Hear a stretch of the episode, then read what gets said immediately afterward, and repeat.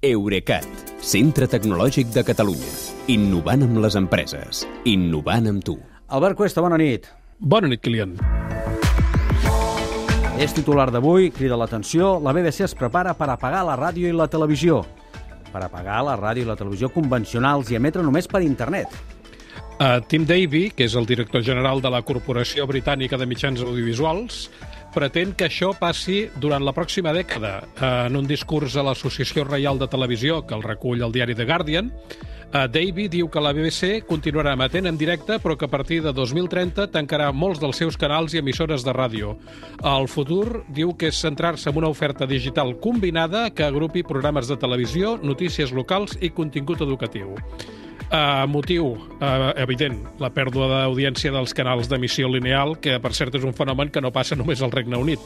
Uh, els nous espectadors miren més hores de pantalla que mai, però demaneu-los a quina hora i per quin canal s'ha més un contingut específic i us miraran com si fóssiu marcians. Doncs mira, eh, perquè no siguem marcians i puguem aterrar el tema aquí a Planeta Nostra i també mirant-ho des de Catalunya, deixa'ns fer primer una cosa. Parem això, parem màquines perquè li hem de donar una volta més a això i incorporem aquí el nostre home british, eh, Sergi Molero, bona nit. Què tal? Després tornaràs a venir amb la secció de cada divendres, eh? No, això no ens ho perdrem. Molt bé, doncs som aquí, l'incorporem perquè coneix, coneix molt bé, si ja ho saps, Albert, eh, tot el tema televisiu i radiofònic de, del Regne Unit i, uh -huh. naturalment, si aquesta aposta per internet en exclusiva s'acaba portant a terme, Sergi, un dels reptes serà precisament això que deia l'Albert, potser no, no perdre pel camí l'audiència que encara tenen ara els canals tradicionals. Clar, és que eh, tampoc no hem de pensar que a la BBC ho tenen tot claríssim, tot i que Tim Davy eh, és una persona eh, que vol ser disruptiva en, el, en algunes qüestions i que vol fer canvis profuns perquè també els necessita la BBC, per exemple, per la qüestió del finançament.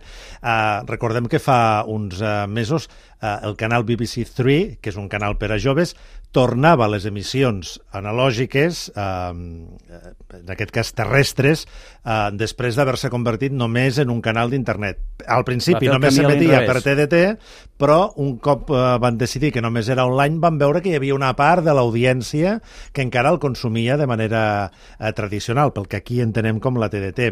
Això vol dir que la BBC té aquest debat eh, plenament ara mateix i tampoc no ho té del tot, eh, del tot clar. clar. Però haurem de veure també eh, si realment l'audiència la, l'audiència que eh, rep aquestes emissions tradicionals doncs s'hauria de posar internet a casa, per exemple. Clar, perquè això té moltes derivades, algunes d'elles tecnològiques, Albert. Uh, sí, per exemple, s'hauran de calibrar molt bé els efectes sobre la infraestructura d'internet, perquè, uh, com deia el Sergi, um, si es fa això, caldrà assegurar que tot arreu, en aquest cas del Regne Unit, hi hagi bona cobertura de banda ampla mòbil o bé una xarxa de fibra òptica prou capilar que arribi també a qualsevol racó. Eh, I és que aquests serveis, eh, la, la connexió a internet, acabarà sent crucial si es pretén que substitueixin el model actual, diguem-ne, d'emissió amb antenes i repetidors de ràdio, que aquest és idoni per, per exemple, per grans aglomeracions i situacions d'emergència i no es pot cobrir amb les connexions per internet. És clar que això eh, ja era una mica d'abans, perquè ara hi ha poca gent que vagi pel món amb un transistor a la butxaca, ni que sigui perquè ja gairebé no es poden comprar smartphones amb receptor d'FM des de que Apple li va renunciar i les altres marques han anat seguint el seu exemple. Mm. El que és segur és que hi haurà d'haver més canvis que no pas aquests, marc legislatiu que haurà de canviar, llicències d'emissió, concessió de freqüències, tot això canvia. Sí, i aviam, uh, Ofcom, això ens ho pot explicar el Sergi, l'Ofcom és el regulador audiovisual de, del Regne Unit, doncs no, no sembla que estigui gaire d'acord encara. Mm. Uh, Clar, tampoc no sabem eh, d'aquí 10 anys, eh, no sé, Albert, eh, si pots fer predicció si tindrem una 20G que serà molt potent i per tant ja no caldrà ni tenir eh, una, una wifi a casa que, et vingui, que te la vinguin a instal·lar, però mm. que sí que hi haurà és gent gran. També és que la gent gran d'aquí 10 anys ja tindrà uns eh, dominis tecnològics eh, probablement més elevats que els actuals. Sí, perquè no seran nadius però hauran conviscut eh, molt amb, amb les xarxes. Però en tot cas, el que sí que molt probablement existeixi encara, perquè és una tradició també en aquell país, és un regulador regulador com aquest i per tant si hi ha alguna persona, gent gran que es queixi, que, no, que se l'està deixant al marge uh, de, de les emissions, potser sí que es queixaria i deixarien com a mínim un període de transició. Mm. I això que deia el Kilian, llicències d'emissió i concessions de freqüències i permisos d'antenes i repetidors.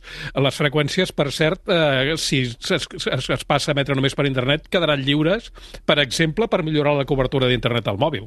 I això seria també un estalvi molt important, si és que el que, el que Tim David també està buscant és eh, fer eh, estalvis, estalviar-se diners, perquè la, el finançament de la BBC eh, s'ha anat eh, reduint en els últims temps. Yeah. Sí, de tota manera, muntar plataformes d'aquestes de digitals pures eh, no es fa amb tres, amb tres pessetes, amb tres lliures, diguéssim, en aquest cas.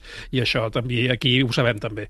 Eh, hi ha un altre detall dels plans de la BBC que t'ha cridat l'atenció, Albert.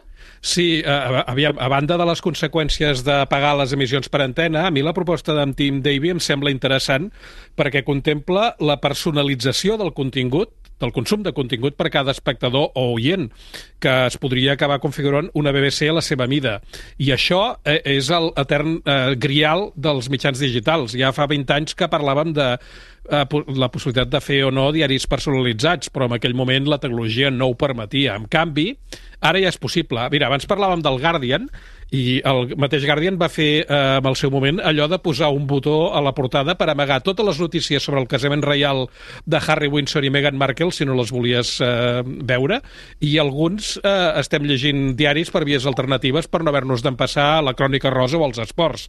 Jo crec que d'aquí a 10 anys, que ja tindrem 6G, segur que ens podrem fer el mitjà mida. Queda, queda clar que això és un termini eh, que, que s'obre des de la BBC que sembla que es vol fer en allà. No sé, aquí, aquesta és l'última pregunta per tots dos, aquí pot arribar a passar una cosa semblant?